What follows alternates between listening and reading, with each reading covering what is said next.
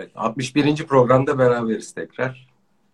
Evet, 61 program olmuş. Evet. Bu e, bizim e, Covid e, ile birlikte başlayan program dizisi. E, Gayet istikrarlı bir şekilde istikrarlı bir şekilde 61 program bitti demek ki.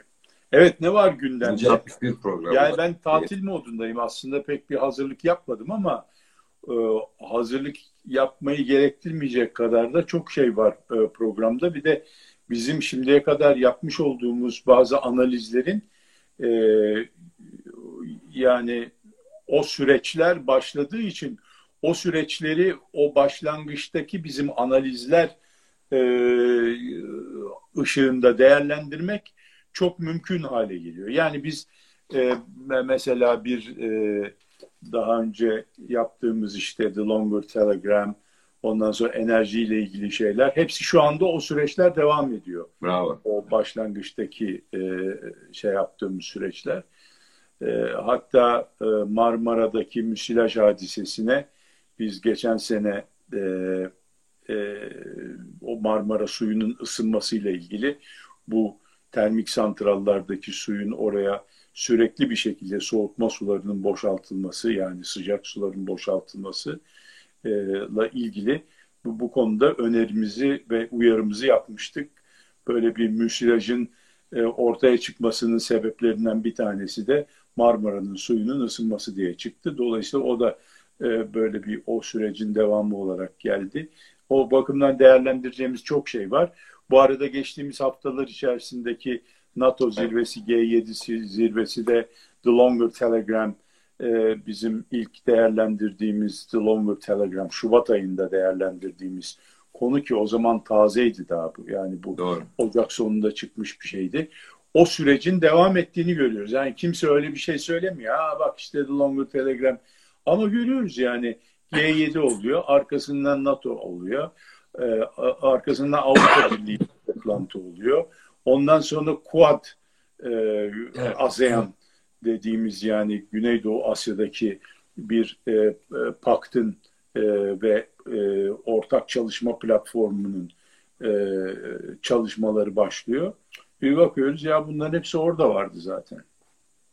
Yani Bunları soracağım zaten size. Çünkü G7 ve NATO'yu geçtiğimiz hafta birazcık değerlendirdik ama oradaki sonuç bildirgelerine yansıdı bu Longer Telegram'ın da yazan e, maddeler. Siz yaklaşık e, 80 veya 100 küsür maddenin 26 tanesini özellikle seçmiştiniz ve e, Ocak ayında aslında biz ilk defa ele almıştık e, Longer Telegram'ı. E, orada madde madde üzerinden geçmiştik ve parça parça farklı programlarda da ele almıştık. E, G7 ve NATO zirvesindeki alınan kararları değerlendireceğiz. Çünkü aksiyona geçmeye başladı ama öncesinde birazcık da ekonomi konuşalım arzu ederseniz. Çünkü e, siz uzun süredir enflasyonla ilgili uyarılarda bulunuyorsunuz ki e, üretimdeki enflasyon e, yüzde 36 seviyelerine kadar ulaştı ki e, bu e, tüketici en, e, enflasyonuna da yansımaya başlayacak dediniz ki başladı. E, şimdi de e, geçtiğimiz hafta elektriğe ve doğalgaza zam geldi. E, sanayide kullanılan doğalgaza daha yüksek oranda geldi. E, bu tabii ki e, üretim maliyetlerini daha da yükseltecek. Enflasyonu da körükleyecek.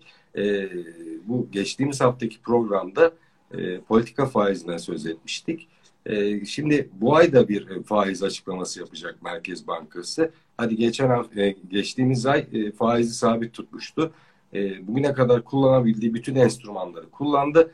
E, peki bundan sonra ne olacak? Çünkü enflasyonu dizginlemekte e, güçlük çektiğini de görüyoruz. Sizin e, çok önceki programlarda bir benzetmeniz vardı. Alet kutusu benzetmeniz. Oradan farklı farklı şeyler çıkartılıp kullanılmaya çalışılıyor ve e, arıza giderilmeye çalışılıyor ama e, şu an görüyoruz ki arıza da giderilmiş değil. Bir rahatsızlık var ve biz bunu aspirinle ya da ağrı kesicilerle sizin deyiminizle e, hastalığı e, kontrol altına almaya çalışıyoruz. E, üretim e, maliyetlerindeki artış e, tüketici e, maliyet tüketiciye mal olacak yani tüketicinin enflasyonuna da etki edecek.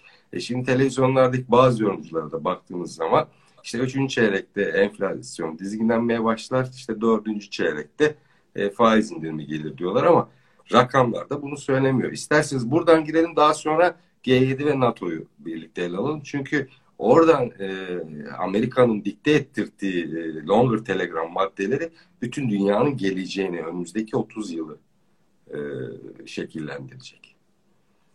Ne diyorsunuz? Enflasyon, faiz, e, ekonomi konusunda zamlar. maalesef bu kazan çömlek patladıktan sonra yani e, Naci Bey Merkez Bankası Başkanı e, Naci Bey gelene kadar böyle bir kaos durumu vardı. İşte herkes evet. bir şeyler yapıyor. İşte e, o zamanki Merkez Bankası Başkanı bir e, e, başkalarını dinliyor. İşte e, saraydan bir e, ses çıkıyor. Ona onun dümen suyuna giriyor derken işte kendi bildiği bir takım şeyler yapmaya çalışıyor. İşte onun için çok komplike yani hani hem sarayı hem e, İsa'ya hem Musa'ya yaranmak için insan böyle acayip şeyler yapıyor. Yani e, çok yaratıcı olmaya başladı. Bir formüller falan koydu ortaya.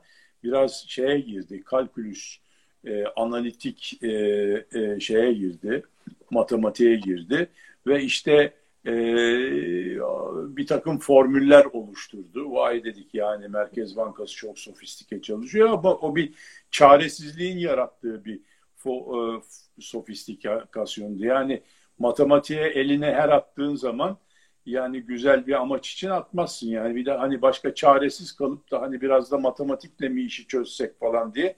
İşi çözen matematik değil matematik sadece bir e, bir e, yani dildir. Kendini ifade etmek için kullanılan bir dildir. Aynı zamanda e, bir de yöntemdir e, bir şeyleri yapmak için. Ama şimdi o, o yönteme gizlice şimdi herkes anlamasın diye matematikle yaparsın. Orada diyordun ki yani şundan bahsediyorum. Bu aktif aktif rasyosu falan filan diye bir şey verdi e, bankaların eline. İşte onu ona bölüp bununla çarparsan, bunu da küçüğü, bunu da buna e, şey yaparsan, bundan çıkartırsan eşit, eşittir, küçüktür, bir olacak dedi. Şimdi bak bunu kimse anlamasın kardeşim. Hani burada öyle dedin ya vay diyorsun ya matematik yani formül falan bildikleri bir şey var. Bunlar çok akıllı yani falan. Ama anlamıyorsun ne demek olduğunu. O şunu demek istiyor aslında. Hani herkes anlamasın diye e, oraya gizlenmiş olan şey şu. Basın kardeşim parayı. E, eğer e, kredi vermezseniz yakarım. Ondan sonra kredi vermediniz tahvil alın. E, mutlaka piyasayı canlandırın. Ya para verin Ondan sonra ya tahvil alın bir şeyin e, hazinenin borçlanmasına yardımcı olun tahvil alıp tamam mı? Elinizdeki kaynakları ben ne diyorsam onun gibi kullanacaksın. İşte kredi vereceksin. Zorla kredi vereceksin üstelik. Çünkü senin aktif rasyonun tutabilmesi için zorla kredi vereceksin. Gel kardeşim diyeceksin. Al diyeceksin. Hani şeyler vardı ya gel gel gel pazar yerlerinde falan. Şimdi geçtiğimiz hafta Lütfü Elvan'ın bir açıklaması vardı. Ben size gönderdim Hayır, şunu, şunu şuraya gelmek istiyorum. İşte o böyle şeyler artık yani adamcağız yani ne yapacağını şaşırdı. Hani böyle e, faiz artırmayayım da nasıl işin içinden çıkayım, matematik koyayım bari hani anlaşılmasın falan filan.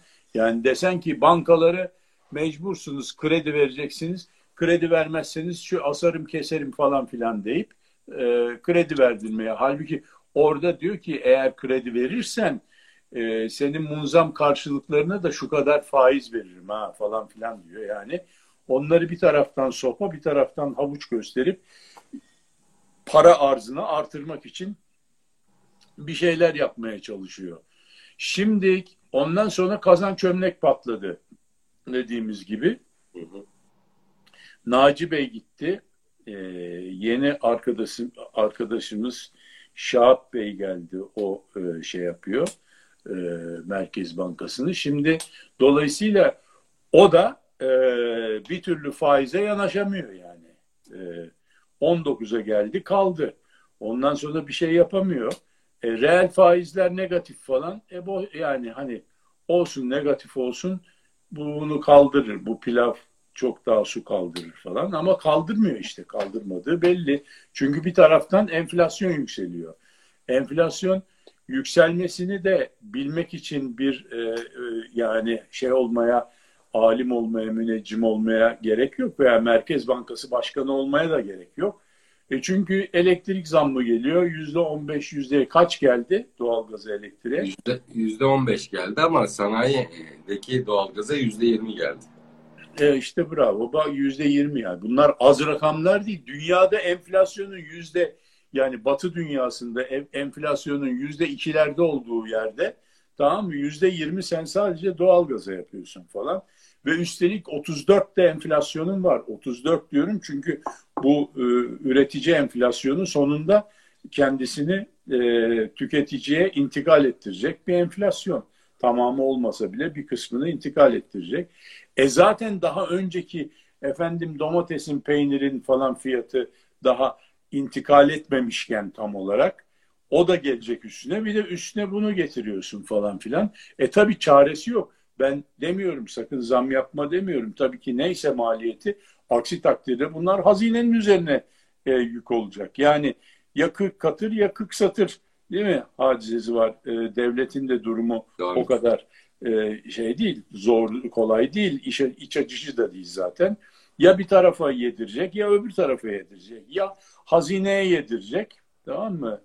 Ya da e, bütçeye yedirecek bir şekilde. Şimdi geçen hafta geçen hafta e, Lütfü Elvan'ın bir açıklaması vardı. Fiyat, e, fiyat istikrarını sağlamak Merkez Bankası'nın görevidir diye. E, topu Merkez Bankası'na attı. Hatta ben de size göndermiştim. WhatsApp'ta yazışmıştık bununla ilgili. E, Elvan'ın bu açıklamasında şöyle de bir başlık vardı. E, izleyicilerimiz mutlaka takip etmişlerdir. E, devlet Ekonomi Yönetimi Fiyat, Fiyat İstikrarı Komitesi kurdu. Yani bu neydi işte e, Türkiye'deki enflasyonu ve işte faizleri vesairedeki istikrarı sağlamak üzere kurulmuş bir komite e, ve bu komitenin ana amacının enflasyonda risk oluşturan arz şoklarına karşı çözüm önerilerinin geliştirilmesidir diye e, açıklıyor Sayın Elvan ve hiçbir şekilde Merkez Bankası'na da müdahale söz konusu değildir diyor. Yani topu tamamen e, değerli Maliye Bakanımız e, Şahap Kavcıoğlu'nun kucağına bıraktı. E, artık pas mı verdi yoksa yani bu enflasyon varsa işte faizler de buna karşılık gelmiyorsa bunun sorumlusu biz değiliz. Merkez Bankası'dır mı diyor. Yani e, burada sıkıntı var demek ki. Yani bunu bunu e, Elvan Bakan e, çıkarmadı ki dünyada. Zaten o öyle. Yani olanı e, olanı ifade etmiş sadece e, Sayın Bakan. Yani Müsebbip her yerde, diyor yani. Ben her yerde enflasyon, her yerde Merkez Bankası'nın e, sorunudur, halletmesi gereken problemdir. Yani kalkıp da Merkez Bankası şey enflasyonu Milli Savunma Bakanı halletmeyecek yani. Ticaret Bakanı da enflasyonu halletmez. Ticaret Bakanı'nın da görevi değil kardeşim. Bu para politikaları ile ilgili bir şeydir. Onu da Merkez Bankası hazine ile eş güdüm içerisinde belki Maliye Bakanlığı'yla bir koordinasyon içerisinde olması gerekir. Ama esas para sorunudur. Yani parasal bir problemdir. Enflasyon parasal bir problemdir. Yapısal tarafı da vardır. Bizde her ikisi de var. Hem yapısal tarafı var hem parasal tarafı var. Yapısal tarafı ne? Mesela yassı çelik e, de e, çok gereksiz yere koruma olması enflasyonu yüzde dokuz, yüzde on civarında artıran bir unsurdur yani. O direkt maliyete gelen bir şey. Hiç gereksiz bir şekilde koruma koyuyorlar. Dışarıdan yassı mamul e, çelik ithal ettiğin zaman yüzde on daha pahalıya alıyorsun. Bu sefer yerliler de sana yüzde on daha pahalıya satıyor. Çünkü yani sen dışarıdan e, senin maliyetin yüzde on daha fazla olduğu için yerlinin fiyatı 100 lira. Dışarıdan aldığı dışarıda da çelik fiyatları dünyada aynı yani. Nasıl altın fiyatı aynıysa borsada, demir çelik fiyatı da aynı. Hiçbir koruma olmadığı durumda. Sen dışarıdan 100 dolara alıyorsun, buradan da 100 dolara alıyorsun değil mi? Dışarıdan vergi koyduğu zaman 110 dolar olduğu zaman buradaki Ereğli Demir Çelik Fabrikası da sana 110 dolara satıyor. Yani dolayısıyla bu Ereğli Demir Çelik Fabrikası'nın ve diğer e, şeylerin e, e, üreticilerin, yerli üreticilerin e, bir onların cebine giren bir para oluyor. E, tabii ki bizim de sanayinin de maliyetlerini yükselttiği için biz de e, son e, ürün fiyatlarının üzerine bunu yansıtıyoruz. O da enflasyon olarak tüketicimize geri dönüyor değil mi? İhracata satarken de e, o kadar daha az rekabet şansımız oluyor.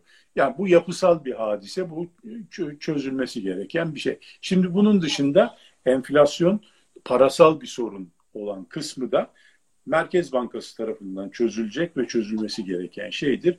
Bunun içinde de senin o demin bahsettiğin toolbox dediğimiz tamir sandığı Merkez Bankası böyle başkanını şey olarak düşün bir tane tulumları giymiş mavi tulumları. Tesisatçı. Üzerinde tesisatçı eldivenler meldivenler takılmış gelmiş böyle şey kaskını da giymiş gelmiş tamir edecek.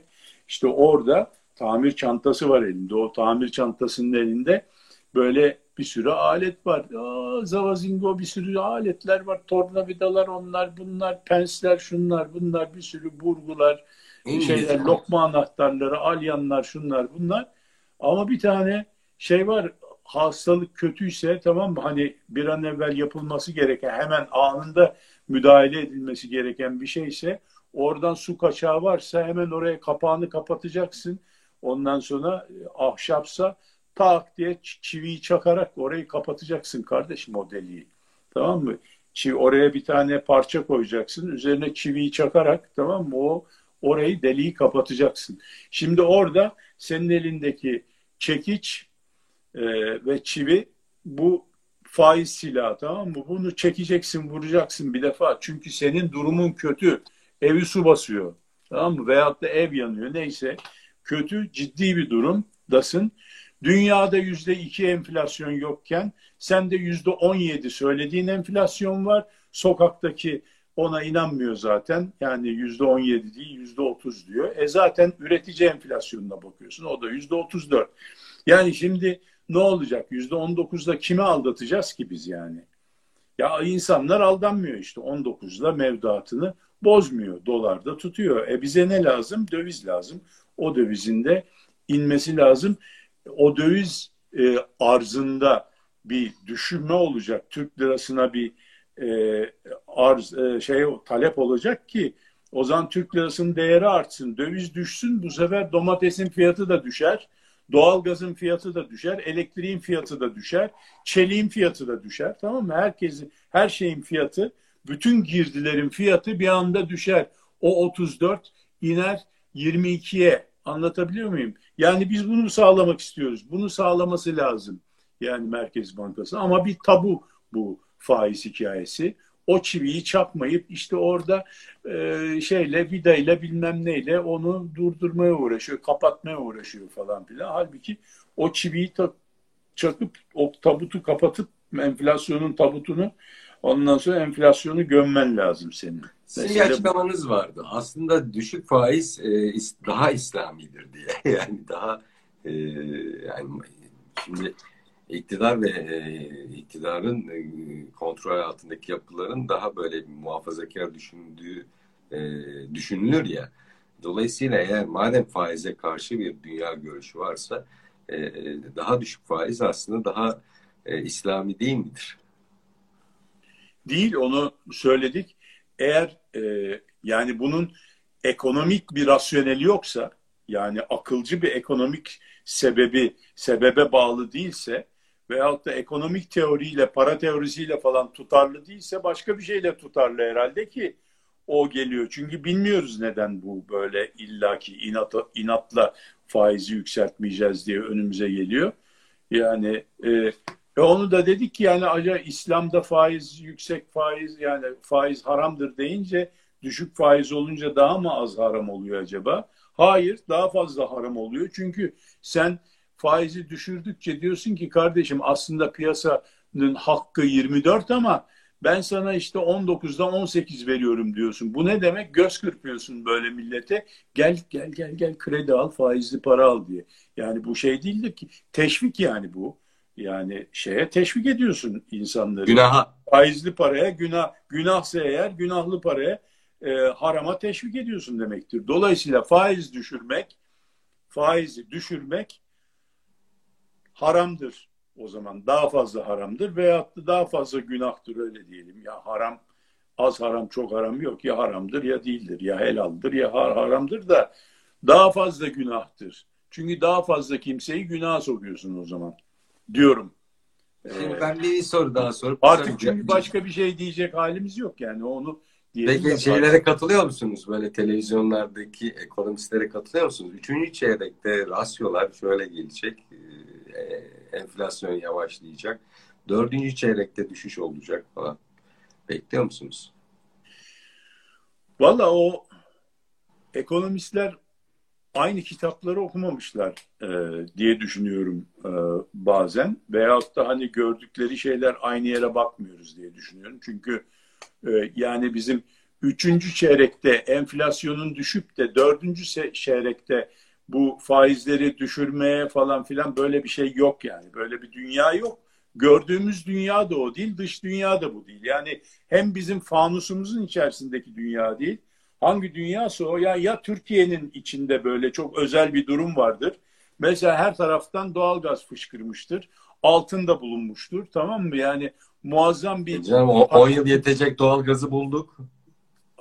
Yani onu e, e, yani e, bir ay önceki programımızda bulunduğu zaman o doğalgazın miktarının ve parasal tutarının ne olduğunu hatta şöyle demiştik aşağı yukarı 2 milyar dolar yıllık o çıkmaya başladığı zaman o da yani belki 3 sene sonra 4 sene sonra e, cari açığımız yani 35-40 milyar dolar olan cari açığımızın yıllık 2 milyar dolarını ancak karşılar demiş, demiştik. Ama benim söylediğim muazzam bir miktarda bir altın bulunacak, elmas bulunacak, bir hakikaten tabii kaynak öyle bir tabii kaynak bulunacak ki böyle oluk gibi akacak falan filan.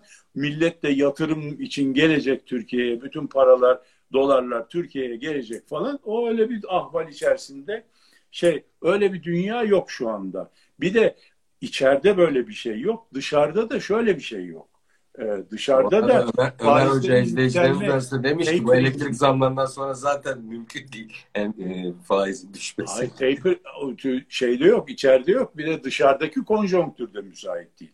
Dışarıda bilakis enflasyonun biraz kıpırdadığını görülüyor Batı'da, Avrupa'da ve Amerika'da ve bu enflasyon kıpırdayınca oradaki tapering'i yani e, e, şeyden piyasadan e, piyasaya para verme hadisesini e, piyasaya para vermeyi azaltmaya başlayacaklar. Her ay 60 milyar dolar verirken efendim her ay 40 milyar dolar vermeye başlayacaklar. Bu da piyasadaki dünya piyasalarındaki likiditeyi azaltma e, ya işte yol açacak olan bir hareket olacak. Herkes bundan korkuyor. O da netice itibariyle faizler artacak. Çünkü Amerikan hazine e, bonosunun, bonoları tahvillerinin 10 yıllık tahvillerin faizleri de bu konuda en iyi bilinen endikatör. O endikatörde bir yükselme var.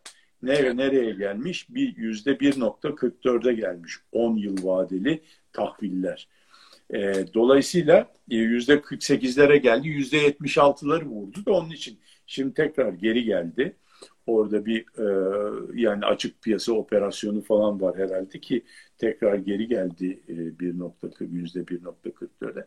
Yani neyse netice itibariyle öyle bir konjonktür yok. Dünyanın öyle bir hikayesi yok. Türkiye'nin de öyle bir hikayesi yok. Bu e, şeyler bizim ekonomistler iki üçüncü e, şeyde e, üçüncü çeyrekte enflasyonun geri gelmesi arkadan şak diye geldi mi kardeşim doğalgaz e, zammı, elektrik zammı yani gelmeyecek miydi? Ya kardeşim geleceği belli çünkü doğalgaz fiyatları bizim aldığımız yurt dışından aldığımız doğalgazın fiyatıyla tüketiciye sattığımız doğalgazın fiyatı arasında fark vardı yani devlet zarar ediyordu bundan. Tabii ki onu bir zamla kapatacaktı. Neden bu zarar geldi? Çünkü dövizin pahalanmasından. Neden döviz pahalandı? Çünkü faizi zamanında artırmadılar ondan. Dolayısıyla bu zaten gelecekti. Şimdi bu arkadaşlarımız ekonomistse eğer tamam mı? Yani bu işleri takip ediyor olmaları lazım. E bu işleri takip etmiyorlar mıydı yani? Niye? E, hoca, hoca banka CEO'su. E, yok yani. üçüncü şeyde bu e, efendim enflasyon düşecekmiş. Dördüncü çeyrekte de faizleri düşürme operasyonu. Yok kardeşim böyle bir şey. İnanmayın yani. Doğru söylüyorsun. Yani hani üzgünüm bunları söylediğime de hani söylemek zorundayım yani. Çünkü söylemesem bunun önüne geçemeyeceğiz yani. Söylememekle geçilmez. Tersini söylememekle hiç geçilmez. Bilakis insanları aldatıyorsun yani. Maalesef. Şimdi e, program başına siz de dile getirmiştiniz bu Longer Telegram. Yani biz e, dönüp dolaşıp oraya geliyoruz aslında. Çünkü önümüzdeki 30 yılda yaşayacağımız e, hayata dair bütün senaryolar önceden yazılmış. Siz de e, söz ettiğimiz gibi Ocak ayından itibaren de onu böyle satır satır e, bizlerle paylaşmıştınız ve orada yazan bütün stratejiler şu an e, uygulamaya konmaya başladı. Nerede? İşte G7 zirvesinde konmaya başladı. Onun sonrasında da NATO'da konmaya başladı. E, orada Çin'i konteyn etme yani Çin'i çevreleme yani ikinci e, soğuk savaşın hedef ülkesi Çin olacak demiştiniz. E, birinci e, soğuk savaşın hedef ülkesi Rusya'ydı. İkinci soğuk savaşın ülkesi de Çin olacak demiştiniz. Ve e, bu, buna yönelik de Amerika'nın e, ne tür stratejileri ol, olacağını bizimle paylaşmıştınız ve bunu yaparken de kendi müttefiklerini burada birer paydaş olarak yanına alacağını söylemiştiniz ve onlar da çıkmaya başladı. E, G7 zirvesinde Çin kınandı. E, NATO'da da şöyle kararlar çıktı ki Stoltenberg'in e, direkt bir açıklaması bu sonuç bildirgesine ilişkin. Şu cümleyi ben paylaşmak istiyorum izin verirseniz. Diyor ki e, Stoltenberg, Çin'in e, e, davranışları sisteme meydan okumadır. Yani batılı sisteme meydan okumadır diyor Stoltenberg. E, bir daha girelim mi şu The Longer Telegram'a? Nasıl bir 30 yıl bekliyor bizi? E, Türkiye burada nasıl bir rol biçildi acaba? E, nasıl bir yeni dünya düzeni bekliyor? Çünkü e, bu e, The Longer Telegram'ın arka planında bu işin mutfağında çalışan insanların bir kısmını da yakinen tanıyoruz. E, işte bizim bu Güneydoğumuzdaki bizim e, yaşadığımız sıkıntıları e, o ya da e, çorapları başımıza öğren adamlar var bu stratejinin başında. E, Trump döneminde de görevdeydi. Daha sonra Trump'la e, ters düştü, istifa etti. Bugün şimdi bu projeyi alıp götürüyor. Yine bunlardan bir tanesi de Amerika'nın ikinci başkanı oldu. Kamala Harris. Evet, Longer Telegram'ı konuşalım isterseniz tekrar. Ya şimdi Longer Telegram'a neden geldik onu söyleyelim. Şimdi biz e, e, 13 Haziran'daki programda e, çok önemli bir e, gündemin altını çizdik değil mi? Bu gündemler yani seri halde gelen bir gündemler silsilesi vardı. Evet. O da ayın işte 11'inde başlayıp işte 13'üne kadar e, süren bir e, G7 zirvesi ki o da Corn, Cornwall'da yapılıyordu. E, İngiltere'nin güney e, batısındaki ucundaki bir ben geçen programdaki hatırlatmayı da tekrar yapayım arz ederseniz izin verirseniz bu e, toplantının yapıldığı lokasyonla ilgili. E, İkinci Dünya Savaşı'nda müttefik kuvvetlerin donanmalarının buluştuğu e, yer orası. E, Almanya'nın kolay e, havadan ve denizden ulaşamadığı bir bölge olduğu için orada toplandı bütün müttefik kuvvetler ve e, Normandiya oradan çıkartma yaptılar ve Amerika dünya ordusunda başına orada geçti. Belki böyle bir sembolik de şey olabilir o bölgenin toplantı için seçilmesinin diyeyim ve tekrar sözü size bırakayım. Evet şimdi e, öyle bir e, dediğin gibi bir sembolik e, şeysi de olabilir tabii Cornwall. Bunlar çünkü bu İngilizler e, biliyorsun sembolizmde e, çok e, ustadırlar yani. Çok da şakacıdırlar yani bu konularda. Böyle çok e, şeysi arkasında bir espri olan e, olayların arkasına daima esprili bir ya bir yer ya bir efendim slogan e, efendim yani arkada bir tablo bir şey, mutlaka olur yani oralarda. E, dolayısıyla tabii bunların öyle bir e, öyle bir huyları olduğu için de bizde hiçbir şeyi e, yani böyle hani geldiği gibi almıyoruz. Daima bunun arkasında ne var diye düşünür bir durumdayız. Özellikle İngilizler ve Amerikalılar işin içinde olduğu zaman. Cornwall'da dediğin gibi işte e, İkinci Dünya Savaşı'nda müttefik ülkelerin orada e, donanmalarının bir araya çıkartmadan önce bir araya geldikleri yer olan Cornwall'da. Tabii onun ikinci bir şeysi de var, e, önemi de var. Bu Green Deal yani iklim değişikliği hikayesi ve e, yeşile dönüş hadisesi ki o da gündemindeydi G7'nin. Onun e, en güçlü hani onunla ilgili endüstrilerin geliştiği, şirketlerin olduğu bir bölge e, İngiltere'nin orası. E, İngiltere'de bu işi e, G7'nin bu seneki başkanı olduğu için o organize ediyor. Orada organize etmişti. Neyse bu e, şeyi sahneyi anlattıktan sonra esas e, oradaki tiyatroyu, e, oyunu da e, şey yapalım, anlatalım. Yazar e, işte e, Amerika e, hani görünen yazar e, Joe Biden e, Sleepy Joe dedikleri yani uyuyan Joe e, Trump'ın deyimiyle e, arkasından yardımcı e, yazar ve yönetmen Kamala Harris ve onun arkadaşı ve saz arkadaşları var arkada. Onlar tabii çok önemli çünkü onlar mutfak. Bu bahsettiklerimiz öndeki şef garson ve e, servis yapan garson. Şimdi öbür esas bu yemeği hazırlayanlar var. G7'de ki e,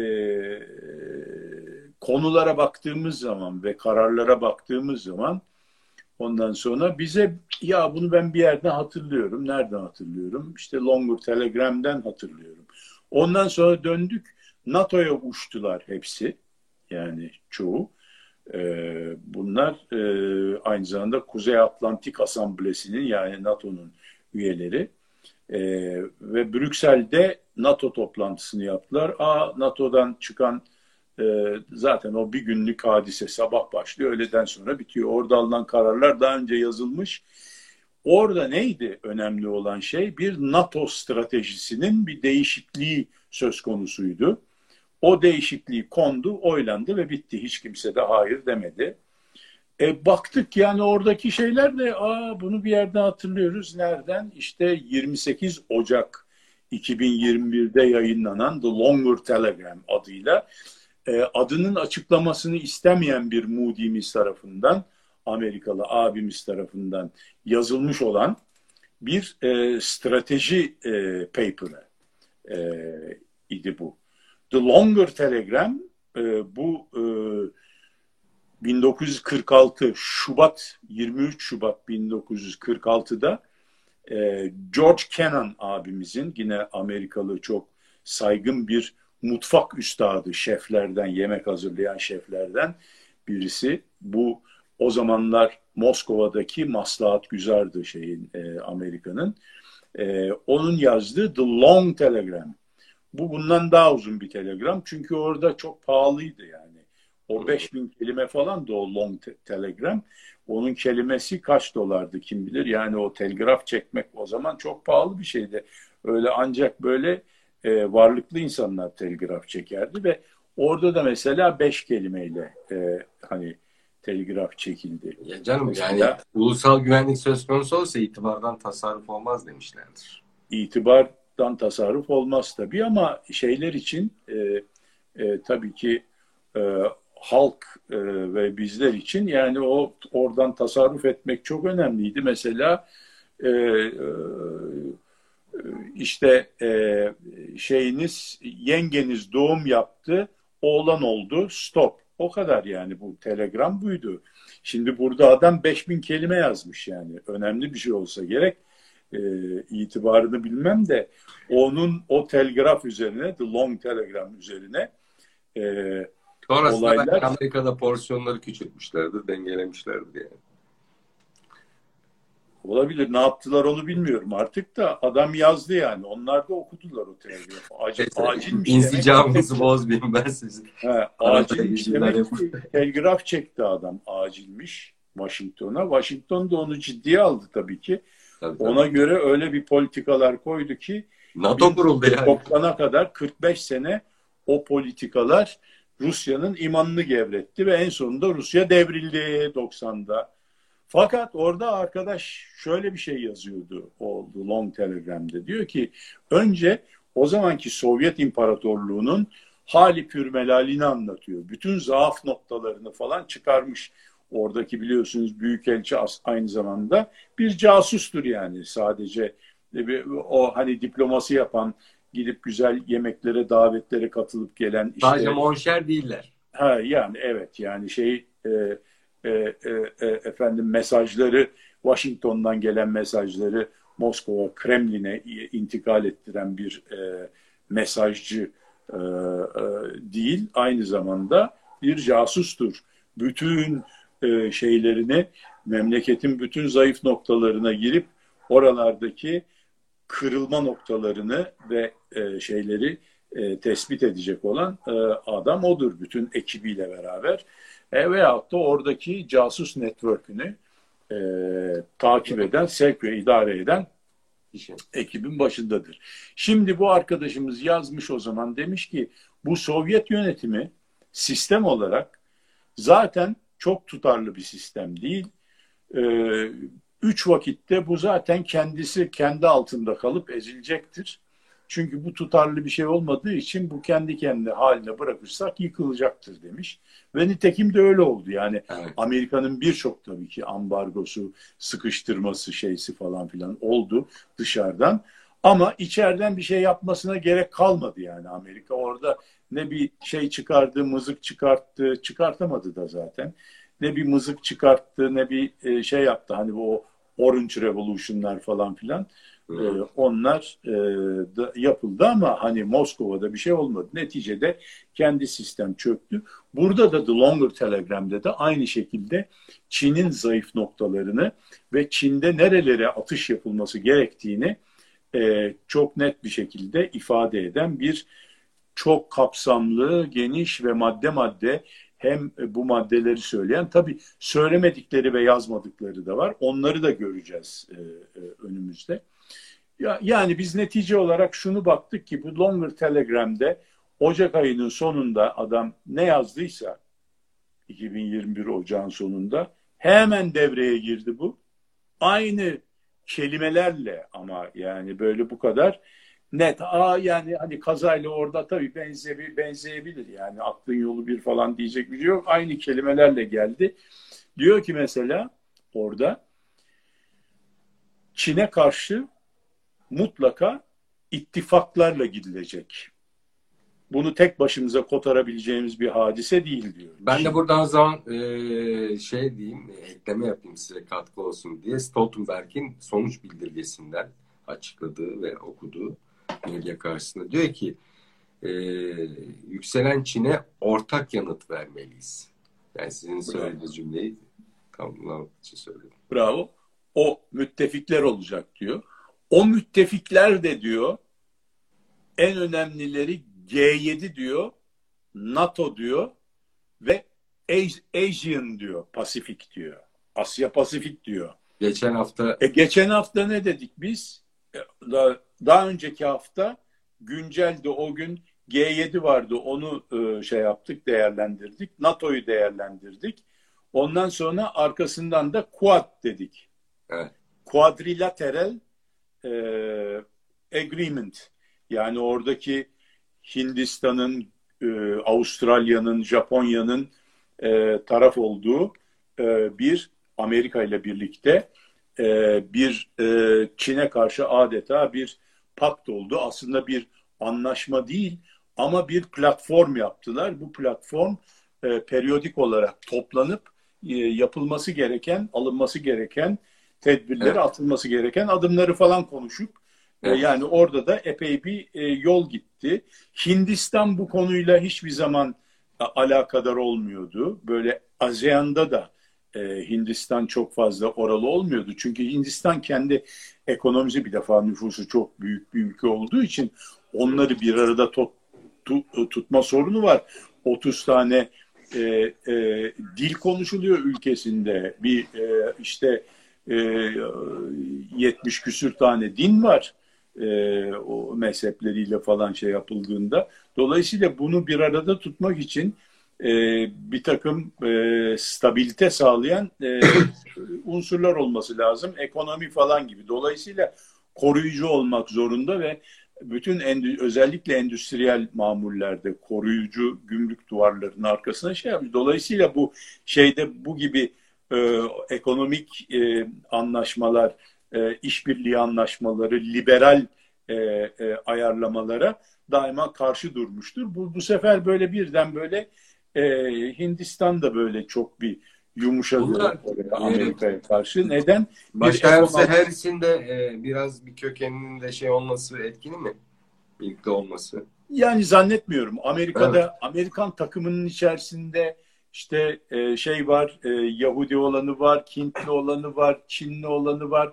Hepsi var ama bunların hepsi neticede mutfaktaki menüye göre hareket eder. Yani öyle herkes kendi başına hareket edemez. Tabii yani bunları e, yani İsrail'in burada özel bir durumu var. Ancak oradaki e, yani e, daha ziyade Yahudi olan vatandaşlar mutlaka İsrail'e bir sempatileri olduğu için daima Amerikan politikalarını İsrail politikalarıyla e, üst üste koyarak e, işlem yapmaya ve strateji geliştirmeye çalışırlar mutlaka ve bunun da so şeylerini e, görüyoruz yani e, bu konudaki e, politikaların uygulamalarından görüyoruz e, ve sonuçlarını da görüyoruz da. Ama onun dışında ya efendim o Hintliymiş Hintlere bilmem ne yaparmış o bir efendim şeymiş Türkmüş Türklere kıyak çekermiş yok nitekim var. Kıyak çekme değil de Hindistan'ı ikna etme anlamında etkili olmuş mudur? Yok Hindistan'ı ikna etme anlamında etkili olan şey e, duygusal şeyler etkilidir Hindistan'da. E, zaten o da şeyde yazıyor e, The Longer Telegram'de diyor ki müttefik edineceğiz ve mevcut müttefikleriyle olan ilişkilerimizi geliştireceğiz diyor bir. Bir A ilişkilerimizi geliştirirken bunlar sadece böyle hani sen bizim arkadaşımsın diye olmaz. Mutlaka onların menfaatlerini karşılıklı menfaatler üzerine kurulmuş bu e, ittifaklar olmasına dikkat edeceğiz diyor. Orada da gittiler. Senin dediler şeye ihtiyacım var kardeşim. Bak Çin'le minne orada mızık çıktı şeyde kuzey doğusunda e, Kavadar'da falan. Ondan sonra neredeyse o, savaşıyorlar, giriyorlardı. Evet, savaşa giriyorlardı. 3-5 tane de askerleri tahmin ediyorum öldü. Ondan sonra dediler ki bak senin askeri tarafının güçlenmesi lazım falan. Onlar da atladı hemen. Ruslardan daima işte silahtı, tanktı, tüfekti alan e, Hindistan birden yumuşadı ve Amerika'ya e, açıldı. F-16 fabrikası kuralım dediler mesela. Lockheed'i gönderdiler. Orada bir F-16 fabrikası ama dikkat edelim F-38 değil. Oraya sokmuyorlar. O F-38 kulübü ayrı bir kulüp. Biz onun bir parçasıydık. Şu anda orada dışarıda kaldık. Ee, şimdi bu F-16 kuruyor orada. Hindistan yeter diyor bana F-16. Tamam. Dolayısıyla o e, konuda e, şey. Ona Hindistan'da yumuşadı ya tabii yaparız abi ederiz abi falan durumlarında. E, dolayısıyla işte bu, aşı var. Nedir abi, bu şey tamamen e, The Longer Telegram'da yazılı olan işte maddesiyle söyleyebilirim. E, ondan sonra o madde uygulanıyor. Öbür taraftan geldi diyor ki orada yazıyor The Longer Telegram'da G7, NATO ve e, ASEAN diyor. E, ya ne yaptık biz iki hafta önce? E, 11 Haziran'da başlayıp 11 ile 13 arasında bir de oraya İngiltere sokuşturdu 11'inde şeye Boris Johnson'la özel görüştü. Çünkü İngiltere pivot ülke burada. Pivot ülke yani Amerika'nın ana müttefiklerinden bir tanesi. Pivot. Yani böyle bir e, grup müttefikleri var. NATO'ydu, ASEAN'dı, şuydu, buydu falan gibi. Evet. Avrupa Birliği'ydi gibi. Bir de böyle tek başına e, onu oradan çıkardılar şeyden Avrupa'nın içerisinde. Gel dediler sen bize lazımsın baba. Yani senin gibi bir pivota ihtiyacımız var. Sen oradan çık bakalım ayrıl dediler. O da eyvallah dedi. Çıktı ayrıldı ondan sonra. O onlarla e, direkt ilişkide ne diyor? G7, NATO ve diyor ASEAN ülkeleri diyor. Ya bu net yazıyor. Ne yaptılar? Üç ay sonra yani ne bileyim Şubat'tan Şubat, Mart, Nisan, Mayıs, Haziran beş ay sonra bunlar arka arkaya geldi. G7, NATO ve arkadan Quad toplantıları oldu. Quad dediği Quadrilateral e, Agreement. Dolayısıyla bu e, şey e, devam ediyor. The Longer Telegram. E, fakat orada bir e, yani tek tek gidilebilir e, şeyler üzerinden oradaki umdeleri bu e, e, strateji e, çalışmasının. E, mesela burada askeri e, şey var. Diyor ki önümüzdeki 10 yıl içerisinde Çin'in askeri bakımdan Amerika Birleşik Devletleri ile kabili kıyas bir durumu olması muhtemel değil diyor. Ama 10 yıl sonunda ki Çin şu anda çok sıkı bir şekilde oraya yüklenmiş vaziyette. Bu arada NATO bildirisinde şöyle bir e, başlık var bununla ilgili. Çin'in nükleer cephaneliği hızla genişletiyor. Ordusunun moderniz, modernizasyonu da son derece muğlak ve Rusya ile askeri işbirliği içinde diyor. Doğru. NATO ee, Genel Sekreteri Stoltenberg'in okuduğu bildirdi. Doğru. Şimdi ne yaptılar? NATO toplantısında onu dedik. NATO toplantısında NATO'yu e, bir anti-Sovyet bir e, askeri pakt olan NATO'yu e, oradan yavaş yavaş anti-Çin bir e, e, e, pakt haline getirdiler.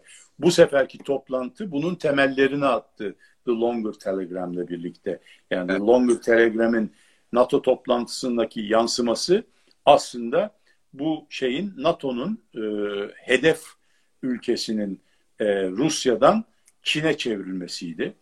E, şimdi askeri olarak bu şöyle bir e, problem çıkartıyor. Daha doğrusu böyle bir risk çıkartıyor ortaya. E, yani ben şu anda Çin'le sorunum var kardeşim.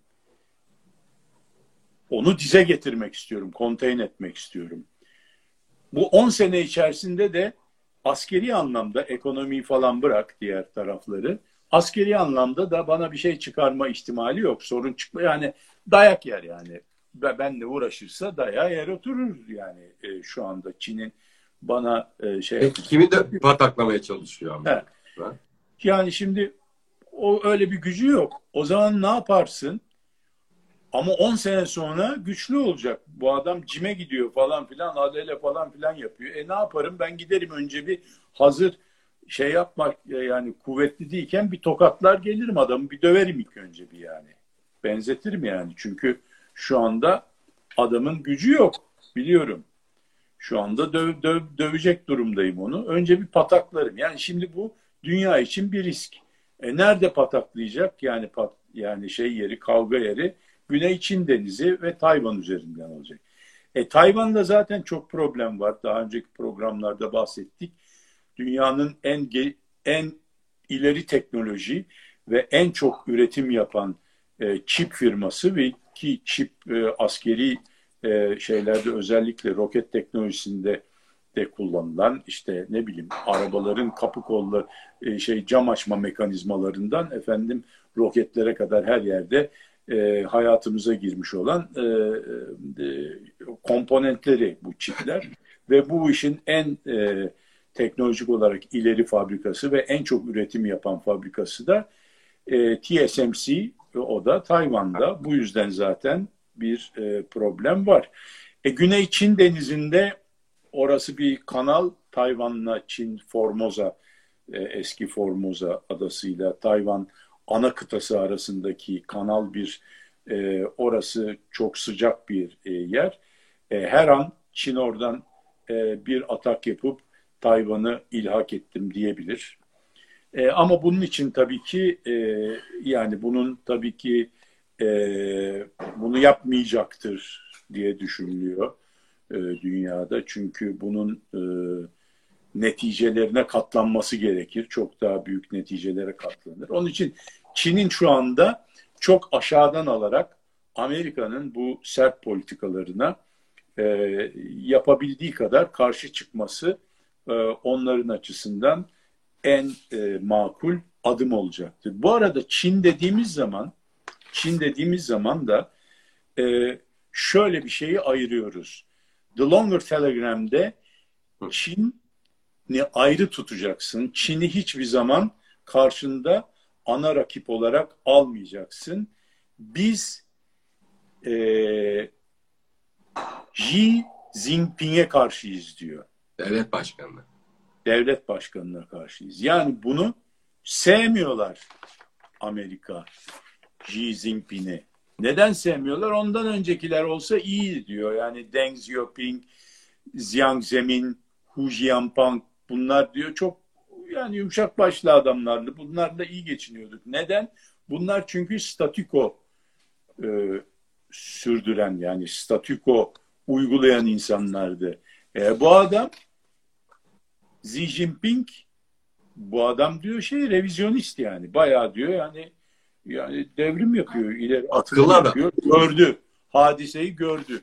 Diyor ki bu adam 20 sene sonra biz dünyanın lideri olabiliriz diye bir şeysi var. Bunu yürürlüğe koydu diyor. Bununla ilgili politikaları hem askeri alanda hem teknolojik alanda hem de ekonomik alanda bütün yapılması gereken doğru işleri yapıyor ve şeyi de revize etti yani sistemi de revize etti yani Mao'nun sistemini bu revize etti. Yani e, devlet kapitalizmi haline uygulamaya sokan bu adam oldu. E, bu adamın zamanında yapıldı. Dolayısıyla diyor ki biz diyor bu adamı götürürsek yani onun dışındaki diğer liderler gibi bir yumuşak başlı birisi gelse bizim işimiz hallolur diyor. Dolayısıyla buna bir de dikkat et NATO'da e, şöyle bir e, deklarasyonlar içerisinde şöyle bir şey de vardı. Otokratik liderlerle ilgili bir şey var. Aynı şey The Longer Telegram'de de var. Oraya da yansıtı, o da yansıtılmış. Otokrasiye karşı yani böyle liderlik sultası e, tiranlık, ondan sonra tek adamlık falan filan gibi şeyleri sevmeyiz diyor. Bizim diyor şiarımız demokrasi e, ve e, batı değerleri. Our values diyor yani. Values. E, values dediğin zaman Çin'de bu value'lar yok. Dikkat et. Orada benimsediğimiz şeylerin hiçbirisi Çin'de yok. Dolayısıyla Çin düşman, biz iyiyiz, Çin kötü adam oluyor. Burada Kısmı dediğinizi desteklemek adına gene ben NATO bildirisine Stoltenberg'in Yok ya karşı da çıkabilirsin. Estağfurullah. Öyle öyle yok yani e, estağfurullah çünkü doğru, doğruları söylüyorsunuz. Ee, diyor ki Stoltenberg okuduğu NATO bildirisinde e, Çin ile yeni bir soğuk savaşa girmiyoruz. Çin ile diyor. E, girmiyoruz ve Çin bizim için hasmımız, düşmanımız değil. Bravo. Buna karşılık ittifak olarak yani NATO olarak Çin'in güvenlikleri açısından oluşturduğu risklerle ilgili e, olarak beraber adım atalım istiyoruz diyor. Tabii. Yani ya bu işte direkt Çinlilere diyor ki devlet başkanımız diyor ki bizim e, işimize gelmiyor kardeşim değiştirin bunu. Ha bir de bir de şöyle diyor e, e, The Longer Telegram'daki e, taktik şeyleri de şu hani bizim e, e, dikkat etmemiz gereken hususlar gibi bir e, kısım da var. Orada da diyor ki Çin ne diyor hem düşmanca hem dostça hem işbirliği yaparak hem ittifak içerisinde e, hem de rekabet içerisinde e, bir politika izlemek zorundayız diyor. Çok komplike bir politika bu. Yani hepsi var. Hem dost olacağız, öpüşeceğiz, koklayacağız. Arkasından da gerektiği yerde e, tokat falan filan. Bu nasıl yapılacak? Ama değişik konularda bu böyle. Askeri konuda başka, ne bileyim bölgesel stratejik konularda e, başka, ekonomik konularda başka. Hatırlarsınız e, dünya tedariğinin yüzde 62'sini üreten bir ülke Çin. Yani kolay kolay da e, Batı e, ekonomik sistemi açısından da vazgeçilebilecek bir ülke değil Çin. Doğru. Madem o e, ekonomi yani karşılaştırmaya girdik şöyle bir şey de var. Çin'in şimdi ekonomisini e, burada durdurmak da o, o kadar zor değil aslında. Şu bakımdan e, anda aşağı yukarı 15 trilyon dolar Çin'in gayri safi milli hasılası var. İşte aşağı yukarı bir buçuk milyar dolarda, e, bir buçuk milyarda e, e, nüfusu olsa işte böldüğün zaman aşağı yukarı 10 bin dolar fert başına milli gelir düşüyor. E, Amerika'da fert başına milli do dolar, e, milli gelir 60-65 bin dolar arası. Evet. Dolayısıyla 10 bin dolar Türkiye'nin de e, düşün Türkiye'nin de e, bir zamanlar 10 bin doları vurmuştu fert başına milli geliri. Şimdi düştü geri geldi 7500 binlerde. Değişik hesap türlerine kuru şöyle alırsam böyle o öyle alırsam böyle de 7500 bine düştük yani orası kesin. Neden gidemedik? Bir e, e, orta gelir tuzağına düştük. Yani evet. genellikle bu 10 bin dolarlar aşağı yukarı or, aşağı yukarı 10 bin işte 11 12 bin dolar 8-12 bin dolar arası orta gelir tuzağı denen yer. Orada bir yapısal Boşta. değişiklik oluyor. Bu yapısal yani ekonomi yapısal bir şekilde değişirken oraya kadar hızlı bir büyüme geliyor. Özellikle oraya kadar hızlı geldiği zaman büyüme oraya çarptığın zaman oradaki ekonomik yapısal değişimle sosyal yapısal, yapısal değişim e, birbiriyle e, aynı paralelde gitmiyor. Hı hı. E, o onu yakalayamıyor. Orada takılıyor. Doğru. Yani orada ne bileyim şey düşüyor biraz e, e, rahatlığı artıyor toplumun daha az çalışmak istiyor mesela. Yani oraya 10 bin dolara geldiği zaman artık yani hani ben ben de biraz gezeyim edeyim yani falan oluyor. Lüks ben arabaya bineyim oluyor. Istiyorum. O daha fazla hizmet istiyor. İşte o zaman daha fazla hizmet e, sektörü artıyor. Bu sefer üretim sektörü düşüp hizmet aynı Türkiye'de olan o. Şu anda Türkiye'de üretim sektörü gayri safi milli hasılanın %14'üne düşmüş durumda. Hizmetler artmış, patlamış durumda. E, dolayısıyla bu böyle olduğu zaman da hani ihracat o nispette artmasına devam edemiyor falan. Dolayısıyla cari açık falan olduğu zaman bir e, orta gelir tuzağı e, bizi o başka bir konu. E başka bir e, programın konusu olacak kadar derin bir konu. ve şey bir mevzu. Şimdi Çin'den ayrılmayalım isterseniz. Diyor Aynen. ki yani liderini diyor istiyorum diyor. Onun diyor başını getirin bana diyor. O başka biri geldiği zaman diyor tamam diyor. Bu adam diyor yaramaz diyor bana diyor. Peki Ping'in yerine gelecek adam e, Batı'nın ve Amerika'nın e, dümen suyunda gidecek mi acaba?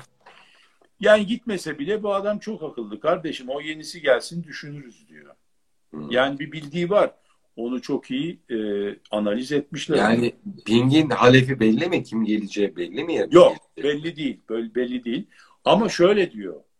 Bir taraftan da strateji belgesinde diyor ki Çin'e karşı Çin'i düşman olarak almayacağız diyor söylemlerimizde. Ve Çin Komünist Partisi'ni de düşman olarak almayacağız diyor. CCP yani Chinese Communist Party bunu da diyor düşman olarak almayacağız. Neden? Çünkü 91 milyon e, üyesi var. Çin Komünist Partisi'nin. Şimdi 91 milyonluk bir kitleyi karşına hasım olarak almayacaksın. Demek ki Amerika aslında yani Çin'i konteyn edip e, zararsız bir şekilde o sıralamayı bozmadan gitmek istiyor yani. Yani biz birinci olalım işte şunlar şunlar ikinci, üçüncü, dördüncü de hani bizim yarımızdan daha az olsun bizi fazla şey yapmasın e, rahatsız etmesin. Ama biz onlarla da ortak olalım şey olalım. Biz onları yani orada kalmalarını destekleyelim. Hani e, büyü, büyümelerini destekleyelim de biz daima e, onlar bir adım attığı zaman biz de bir adım yukarı çıkalım ya bu sıralama e, muhafaza edelim yani bu lig sisteminde biz daima birinci olalım, ikinci, üçüncü, dördüncü sonunda hani böyle güzel güzel götürelim işi yani bazı şey çıkmasın yani diyor. Marazi çıkmasın. Yani buna uyacak olan bir e, Uyaroğlu bir e, e, e, şey de diyor çekik gözlü arkadaşımız diyor. Her zaman diyor bizim diyor e, dostumuzdur, arkadaşımızdır gelir çayımızı içer. Dolayısıyla böyle bir e, yaklaşımı var. Amerika Birleşik Devletleri. Ben bir taraftan da bu NATO bildirgesini de göz atıyorum size anlatırken. Orada demin söz ettiğiniz şeye e, bir başlık... Sen benden daha çok çalışmışsın vallahi. Estağfurullah, estağfurullah. Daha çok beni hazırlıyorsunuz. Ee, uzak bölgelerde diyor daha güçlü ortaklıklar kurulması Asya Pasifik ve Afrika Latin Amerika'daki ülkelerle yakınlaşma diyor. Yani yeni müttefiklerden söz ettiniz ya. Ee, yine biraz tara bir taraftan da bu Rusya'yı unutmamışlar. Yani dediniz ya Rusya Çin'in kucağına, Çin'i Rusya'nın kucağına itmek de istemiyorlar dediniz. Ukrayna ve Gürcistan güvenlik güçlerine eğitim verilmesi ve kapasitelerinin arttırılması diye de bir başlık koymuşlar. Yani bir taraftan da NATO şeyi unutmuyor, Rusya'yı unutmuyor. Yine iklim değişiklikleriyle ilgili bir takım başlıklar koymuşlar ama benim en çok dikkatimi çeken sizin de aylardır özellikle bu çip konusuyla ilgili şeyler gündeme geldiğinde ve zaman zaman da yani bizim programımızın gediklisi e, Elon Musk'ı eleştirirken de e, dikkati çektiğiniz konular vardı. Bunlardan bir tanesi de işte NATO siber alan ve uzayda yeni güvenlik planları ve yatırımlarına başlayacak diyorlar. Yani e, şimdi bu dönemde de yıldızı parlayan uzay araştırmaları konusunda da Elon Musk adam sürekli uzaya her gün roketler atıyor. NASA'nın işte uydularını gönderiyor. İşte e, astronotları gö götürüyor. Ee, Amerika kendi siber şey, uzay ordusunu kurdu. NATO'daki ülkeler kurmaya başladı. Demek ki uzayda da bir şey konteyn etme var. Çünkü Çin de uzaya yönelmiş. Ay'a e, geçtiğimiz herhalde geçtiğimiz yıl galiba bir araç gönderdi. Mars'a da gönderiyor onlar. Ee, soğuk savaş dönemine, eski soğuk savaş dönemine baktığımızda Rusya ile Amerika arasında bir uzay savaşları vardı. Şimdi de Çin ile Amerika arasında bir uzay savaşları var. Ee, şimdi NATO'da bu uzayla ilgili yeniden yapılanma, planlama, yatırımlar vesaire diyorsa demek ki e, ciddi ciddi her ne kadar kabul etmeseler de bir soğuk savaşa giriyorlar. Ne diyorsunuz? Şimdi o soğuk savaş hikayesi e, Rusya mı Çin mi? Yani soğuk savaş Rusya, şimdi soğuk savaş Çin hadisesi. Bu arada arada e, Rusya kalıyor. Şimdi aslında şöyle bir durum vardı. E, The Longer Telegram'da çözemediğimiz bir hadise var yalnız. O çok net değil. Rusya ile de iyi geçinilmesi gerektiği Çin'e karşı Rusya'ya ihtiyaç olduğu da e, yazan maddeler arasında. Fakat bu nedense uygulanmadı. Yani Rusya'ya karşı NATO'yu da kullanarak Amerika daima e, çok böyle e, yani arkadaşça bir tavır almadı açıkçası. Ambargolar hala günde yani ambargolar uygulamada şu anda e, devam ediyor ve Ukrayna'yı zorluyor, Gürcistan'ı zorluyor. Gürcistan'ı NATO'ya almaya kalkıyor. Yani şeyin tam dibinde adam aldırır mı? Yani ben Rusya olsam katiyen istemem böyle bir şey. Ve hakikaten nitekim Güney Osetya'daki e, hadisede e, hemen tankları yürüttü şeyden e, e, Gürcistan'a ve e, orayı e, e, engel oldu. Fakat hala Amerika orayı karıştırmaya devam ediyor. Biliyorsunuz. NATO, NATO Genel Sekreterine bu Rusya'yı sormuşlar basın toplantısında. Orada da şöyle bir cevap vermiş Stoltenberg. Diyor ki e, Rusya ile anlamlı bir diyalog sürdürmeye de hazırız e, diyor Stoltenberg ve diyor ki Moskova yönetimini bu, bu nedenle NATO-Rusya konseyi çerçevesinde yeni bir oturum için davet ettik diyor ve bunu da yakın zamanda yapılacağını umut ediyoruz. Yani Rusya'yı çekme, ya çekme de şimdi bazı şeylerin tavuk açtığı Olabilir mi? olmaz. Yani şimdi Çin Rusya ile bazı konularda anlaşmış gözüküyor. Aslında evet. Rusya'nın hiç istediği bir şey değil bu. Çünkü Rusya e, da Çin'den korkuyor. Çünkü onun e, doğudaki Çin'e komşu olan topraklarında o kadar az nüfusu var ki Çin oraya bu sabah girse akşam alır yani oraları. E, anlatabiliyor muyum? Çünkü hem çok daha fazla askeri var hem de oraya erişim falan oraya erişene kadar yani gözden ırak, gönülden ırak derler ya öyle bir durum var askeri olarak. Şimdi dolayısıyla e, Rusya'nın böyle çok Çin'le işin dışlı olmasını istediğini düşünmüyorum. Ama Rusya'da çok e, hani biz diyoruz ya yani Rusya'ya mı yaranacağız Amerika'ya? Ya Rusya'nın durumu çok daha zor. Yani onlar Çin'e mi yaranacak, Amerika'ya mı yaranacak? Oradaki riskler neler, buradaki riskler neler? İki tarafta da bir ayı, e, bir tane de e, efendim ne diyelim e, aslan, tamam mı? Ayıyla mı yatağa gireceksin, aslanla mı yatağa gireceksin yoksa ikisiyle de flört mü edeceksin gibi bir durumu var yani. Şu ana kadar yani Çin'le Rusya'nın daha fazla sıkı fıkı olduğu ortaya çıkıyor. E, çünkü e, Çin'in de Rusya'nın e, tabii kaynaklarına ihtiyacı var. Ha bu tabii kaynaklardan şuraya ge- gelelim. Şimdi bu e, G7'de Green Deal konuşuluyor ya. Evet. Yani iklim değişikliği falan filan. Kasım'da da şimdi bir toplantı var. Onun e, ön peşrevini yaptılar burada G7 zirvesinde. Şimdi bu G7 e, şey e, yeşil e, deal, Green Deal e, yani e, nedir? Yeşil uzlaşma diyelim. Green mutabakat. Deal, e, Green Deal, yeşil mutabakat. E, bunu da ben aslında bu ne, bir yerde yazmamakla beraber benim yorumum bu. Bu da bunu da Amerika'nın birden üstlenmiş olmuş olması. Yani daha önce Amerika buna karşıydı biliyorsun. Yani Trump yırttı attı zaten onu. Ee, yeşil dili imzalanmış şeyi yırttı attı. Evet. Yani ne yapmış demek ki mutfak hazırlamış bunu aslında. Mutfakta akıllı adamlar var söyledik. Öbürü garson. Bugün gelir yarın gider. Nitekim nerede şimdi Trump? Yok şef garsondu bir zamanlar gitti ama içeridekiler duruyor. Aşçı e, yamaklarıyla beraber şefler, büyük şefler hepsi orada. bulaşıkçılar falan değişmiş. Bulaşıkçılar değişmiştir falan filan. Neticede e, neticede bunu yırttı attı Trump ama şimdi tekrar getirdi Biden. Bak Sleepy Joe onu getirdi. Diyor ki bunu da imzacı. E, neden getirdi? Amerika'nın menfaatine değil ki bir sürü e, kendini zora sokacak Amerika burada. Yani Green Deal'ı imzalayan her kimse özellikle endüstrileşmiş ülkeler kendilerini zora sokacaklar. Bunu biliyorlar. Ama en çok kim zora sokacak? Çin. Şimdi Amerika şunu diyemez. Ben imzalamıyorum ama sen imzala hadi bakayım. Onu diyemez. Sen de imzalayacaksın imzayı at ve arkasında dur.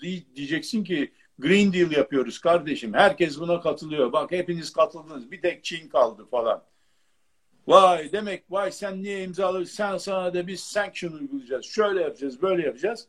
Tamam mı? Contain etmenin, ekonomik bir containment'ın e, şeysi olur, sebebi olur, motive olur. Bizim şimdi, dönüşümüzle ilgili bir kaynak okumuşsun. Ne kadar doğru bilmiyorum. Dolayısıyla şimdi 2 trilyon şimdi, dolardan söz ediliyor. Bu Green Deal hadisesi de aslında Green Deal hadisesi de Çin'e karşı bir politika. Yani öyle Doğru. yalnız kuşlar, kelebekler, güzel yeşillikler Abi, falan filan hadisesi değil. Bu o, çünkü o, Çin enerji ihtiyacını e, ana kaynağı kömür. Kömür santralları var. Doğru. Yani o santralları var. Çin'in ümüğünü sıkıyorsun. Yani bununla. E, dolayısıyla orada Green Deal hadisesi de G7'de çıkardıkları yine Çin'e karşı bir politika aslında hiç söylenmiyor ama bu böyle yani. Kesinlikle. Yani Türkiye ile ilgili dönüşümün bile 2 trilyon dolar civarında olacağından söz ediliyor. Ne kadar doğru bilmiyorum da. Tabii tabii. Yani afaki rakamlar. Çin'i hayal bile edemiyorum. Yani o dönüşümün kaç trilyon, zilyon dolarlara mal olacağını. Yani o ekonomisinin ne kadar zayıflayacağını gösterir. Son bir şey sorup isterseniz. E, Ondan önce şunu söyleyeyim. Yani e, e, batılı ülkeler aslında e, yani Green Deal'a falan karşı değilim kesinlikle. Öyle bir şey anlaşılmasın ama batılı ülkeler kirlettiler bu e, bizim gezegenimizi. Yani Çin kirletmedi. Türkiye'de de, Türkiye'de kirletmedi ama endüstrileşmiş ülkeler endüstriyel atıklarla kirlettiler. Maalesef. Şimdi onlar kirlettiler. Tabii ki refahları da yükseldi. Fert başına milli gelir 50 bin doların üzerine çıktı hepsinde. Şimdi diyorlar ki öbürleri e, onlar kirletemez. Yani tamam bir yerde durmak lazım. Ama onunla ilgili tabii bir takım yani bunu herkes gördüğü için Diyorlar ki yani onlar kirletemez değil de işte azaltarak kirletip işte 20 sene içerisinde sıfır karbondioksit nötr hale geleceksiniz. Biz de geleceğiz diyorlar. Öyle bir yani dünyada bir green uzlaşma, yeşil uzlaşma dediğimiz Çok şey. Çok romantik. Bu, bu e, konularda bu konularda bir uzlaşma sağlandı. Yani kim ne kadar az kirletecek de kim ne kadar avantaj elde edecek. O konuda bir uzlaşma var. Herkes oraya imza atmadan önce yani bunu adamı kimseyi kafasına vurup da imzala buraya demiyorlar. E, biraz öyle oluyor. Sıkıştırıyorlar tabii ama ona da bir şeyler veriyorlar. Diyorlar ki bak biz de sana para vereceğiz diyor mesela. Şimdi sizin, sizin deyiminizle 10 puanlık uzman sorusu sormak istiyorum. Ben çünkü ben bu konuda yorum getiremiyorum ama sizin mutlaka doğru analiz edeceğiniz ve yorumlayacağınız ve öngörülerinizin de doğru çıkacağını tahmin ediyorum. Ee, yeni dünya düzeni kuruluyor madem. G7'de ve NATO'da. Madem değil evet bizim öngörümüz o. Ben de katılıyorum sizin görüşünüzde. E, bu Longer Telegram'la beraber önümüzdeki 30 yılın senaryosu çizilmiş ve artık aksiyona geçildi. Türkiye'ye nasıl bir rol biçilmiş olabilir ya da Türkiye'yi nasıl bir e, 30 yıl bekliyor? Sizin öngörüleriniz nedir bu konuda? Ya şimdi e, Türkiye'ye tabii ki bu rol geç, e, biçilme hadisesi yine e, The Longer Telegram'ın e, e, ortaya koyduğu esaslar dahilinde olabilir. Aslında bütün bundan sonraki olacak, bütün siyasi, jeostratejik olaylar falan hepsi bu e, Amerika Birleşik Devletleri ve Çin Soğuk Savaşı'nın ve Çin'in containment'ının e, yapıldığı çevrelenmesinin yani. çevrelenmesi e, olayının bir parçası olarak görmek lazım. Yani Türkiye'de olan hadiseleri de bu açıdan bak bakacağız. Hem dünyadaki hem Türkiye'deki değil mi? Efendim? Hem dünyadaki hem Türkiye'deki. Hem dünyadaki hem Türkiye'deki. Ya ben yani Afrika'nın güneyinde bir ülkede bir şey mi oluyor? Mutlaka Çin'le ilgisi vardır. Ondan sonra efendim Burkina Faso'da bir şey mi oluyor? Çin'le ilgisi vardır. Kuzey Kutbu'nda bir şey mi oluyor? Çin'le ilgisi vardır. Yani bütün Avustralya'da bir şey mi oluyor? Çin'le ilgilidir. Her yerde Türkiye'deki olay, Rusya'daki olay hepsi Çin'le ilgili. Önümüzdeki çünkü 30 sene için yazılmış bu strateji belgesi. 30 sene boyunca bu strateji sahnede olacak, sahneye koyuldu ve bu oynanmaya başlandı. Zaten bu aslında bu Longer Telegram yazılmadan çok önce bu e, menüler falan filan hepsi hazırlanmış da şimdi aynı menü Trump da oynadı aynı menü aynı menüyü servisini yaptı. Biden da ama Trump birazcık sakar bir garsondu. Burada ee, karıştırdı yani şey zeytinyağlıyı önden verdi sonra çorba getirdi falan. Çorbayı getirirken herifin üstüne döktü bir şeyler yaptı. Yani yani Trump farklı bir şey değil de aynı menü çıkıyor çünkü evet, o mutfakta. Bak mutfaktakileri söyleyeyim sana kim gelmiş. Kimler var mutfakta? Yani şeye bakmak lazım. Yani mutfaktaki takıma bakmak lazım abi. Çünkü yemeği onlar yapıyor aslında. Menüyü de onlar hazırlıyor bir de üstelik. Mesela McCurk var. Brett McCurk. Bizim bu baş... adam e, bu bütün Orta Doğu'nun uzmanı ve Orta Doğu politikasını Amerika'nın Çin politikasına göre belirliyorlar tabii ki. Orta Doğu'nun uz uzmanı mesela şey IŞİD savaşını, e, IŞİD'e karşı olan savaşın nasıl götürüleceğini bu adam e, şeysi yaptı. Bu Kürt koridorunun da mucidi değil mi Türkiye'de? Evet, Kürt koridorunu şey yapıyor. Şu anda o konuda da e, ikinci aşamaya geçtiler. Nation building safhası diyorlar buna. Bu paperlarda da yazıyor yani ya, gizli falan değil. Nation building yani artık Kürt devletinin hani bir kere ilan etti ya e, Barzani. Ondan sonra hop dediler hop sen ne yapıyorsun kardeşim otur bakayım bir yerine olmaz şimdi dediler. Zamanı var her şeyin dediler. Onu oturttular şimdi. Şimdi ama zamanı geldi. Suriye'deki hadise önümüzdeki aylarda Suriye'de mutlaka bir şey bekliyoruz. Yani mutlaka oralar yine bir karışacak. Suriye'deki Kürt tarafı da oluşturulacak. En sonunda netice itibariyle Irak'taki, Suriye'deki Kürt tarafı birleşip Hatay'ın üzerinden veyahut da altından geçmek suretiyle Akdeniz'e kavuşacak. O zaman Doğu Akdeniz'deki e, Amerikan Kürtler aracılığıyla Amerikan e, e, e, hakimiyeti de kendisini daha fazla göstermiş oldu. Türkiye'de de Doğu Akdeniz'de sen dur bir dakika dediler. Ortalığı sakinleştirdiler şimdi. Ama oraya başka birisi daha oturduğu zaman masaya o zaman oradaki güçleri daha fazla olacak. Yani baktığımız zaman McCurk Ondan sonra bu adam. Ondan sonra 1.60 boyuyla bütün Orta Doğu'yu karıştıran adam. Gör. Aynen, aynen, aynen, aynen. Mesela National Security Council yani milli e, Güvenlik. mi, şey ko- komitesi işte. Bizde Milli de Güvenlik Komitesi. Milli Güvenlik Konseyi. Konseyi. Kim var işte McCurk var. Ondan sonra e, Biden geldiğinden beri e, o geldi. O e, daha önce e, şey Sam Parker, Zehra Bell daha önce söylemiştik. İran sorumlusu Sam Parker, Zehra Bell diye birisi var. Irak ve Suriye direktörü.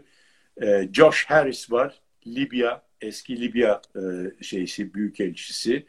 E, Max Martin, Lübnan e, şeysi. Casey Evans, Yemen, Yemen'in e, Suud destekli hükümeti ve İran destekli Hutuların e, şey yapan e, e, yani Suud destekli hükümetin destekleyen İran destekli Hutulara karşı. Bunların hepsini e, e, idare eden adamlar var yani. Bu Hutularla efendim e, şey e, Yemen'in e, hükümetinin arasındaki bir savaş değil. Bunu Casey Evans yönetiyor. Anlatabiliyor muyum? Ondan sonra e, yani bu adam zaten McCurk denen, Brett McCurk denen adam e, Trump hani ortalığı dağıttığı zaman e, Suriye'den orduları çekelim demişti ya 2018'de İstifa Trump. etti kıza. O zaman istifa etti yani e, ona şey yaparak. Dedi ki ya sen ne biçim ya biz burada yemek çıkartıyoruz sen servis yapmıyorsun. Ne biçim adamsın sen ben, ben böyle garsonla çalışmam dedi.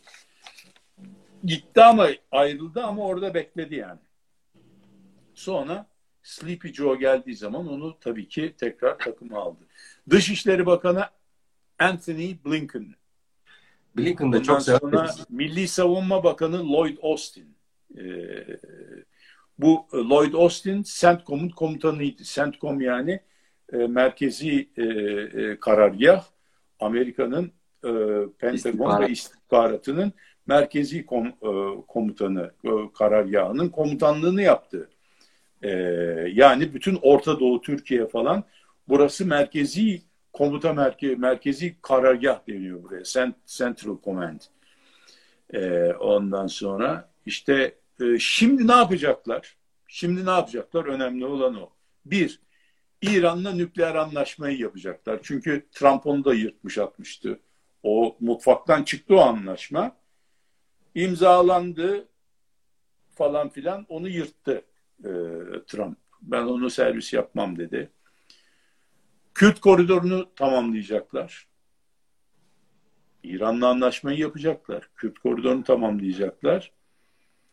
Ee, Çin'le tamamen uğraşacaklar.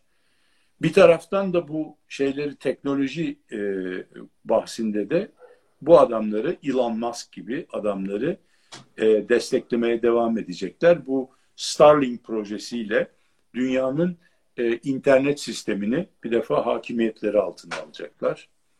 E, böyle bir adeta bir yün yumağı gibi e, dünyanın etrafında 42.500 tane e, uydunun e, dolaşmak O suretiyle. Elon Musk'ın atacağı. 12 bin tane de Jeff, Jeff Bezos atıyor. O ayrı işte bu Starlink projesi 42.500 tane Elon Musk atacak. Yani Amerika Birleşik Devletleri yani bu Elon Musk. Amazon Yani- sahibi Jeff Bezos da 12 bin tane atacakmış. O da e, o da e, yani pro- ayrıca Elon Musk'ın e, şeyle Space Force'la yaptığı bir takım uzay çalışmaları var. Yani bu e, çalışan kurumlar şunlar. Bakın yani burada hani şey Biden geldi şöyle yapacak, Trump böyle yapardı bilmem ne falan yok. Bak çalışan kurumlar var ve bu kurumlar zaten belirliyor her şeyi. Kim var? E, National Security Council yani Milli Güvenlik Konseyi var Amerika'nın. İki, Pentagon var. Üç, Secretary of e, State var. Yani Dışişleri Bakanlığı ve onun da kendi kadrosu var. Secretary of Defense var. Bu da Savunma Bakanlığı, onun kadrosu var.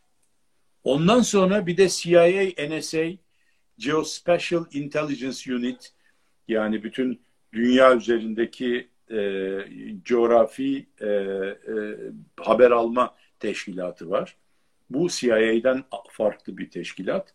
Fakat onların hepsi yine bu e, birimlere e, National Security Council'a rapor veriyor. E, ve daha bir sürü 14 tane daha e, istihbarat örgütü var. CIA ile birlikte 14 tane. Yani bunlar ayrılmışlar bölgelere göre hepsi çalışıyorlar. Binlerce kişi çalışıyor yani. E, yani belki 50 bin üzerinde kişi çalışıyor. Orta Doğu için ayrı, Çin için ayrı, Endo-Pasifik ASEAN için ayrı. E, ondan sonra bir de e, bu bölgesel direktörler haricinde teknoloji ve milli güvenlikle ilgili bir şey var. Yani bunlar Elon Musk'ları, efendim Steve Jobs'ları falan, Bezos'ları falan filan idare eden. E, Democracy and Human Rights departmanı var. Yani demokrasi ve insan hakları. Çünkü diyor ki insan hakları ve demokrasiye e, mutlaka diyor e, şey yapacağız, dikkat edeceğiz diyor. E, The Longer Telegram'de. Yani bu Çin'e diyecek ki de sende demokrasi yok kardeşim, sen demokrasi yap diyecek ondan sonra. Onunla bir taraftan da sıkıştıracak. Japonya'yı silahlandıracaklar. O işe başladılar. Ee, ondan sonra e, hatta Abe istifa etti biliyorsunuz. Evet.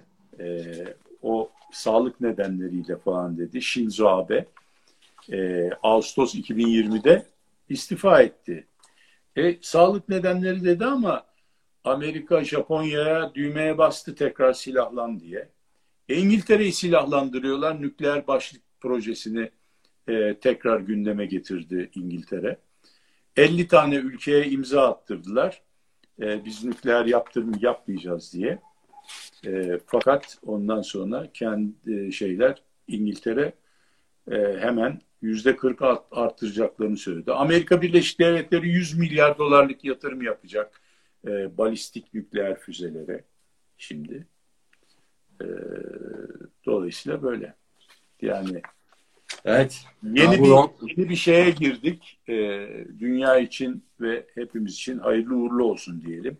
Şu anda hayırlı bir durum yok ama inşallah e, güzel konuşalım, güzel olsun diyelim. Ne yapalım? Umudumuz o. Ağzınıza sağlık. Yine çok keyifli ve doyurucu bir program oldu. Ciddi anlamda dünyayı algılamamızda e, bayağı e, katkı sağlayacak şeyler paylaştınız bizimle yine. E, ben kaçıranların programın tekrarını e, biraz değişik şeyler konuşalımın e, Facebook, LinkedIn ve YouTube'daki e, sayfalarından izleyebileceklerini ve ya da Spotify'dan dinleyebileceklerini hatırlatayım. E, sizin söylemek isteyeceğiniz, ekleyeceğiniz bir şey var mı başka? Ali Bey?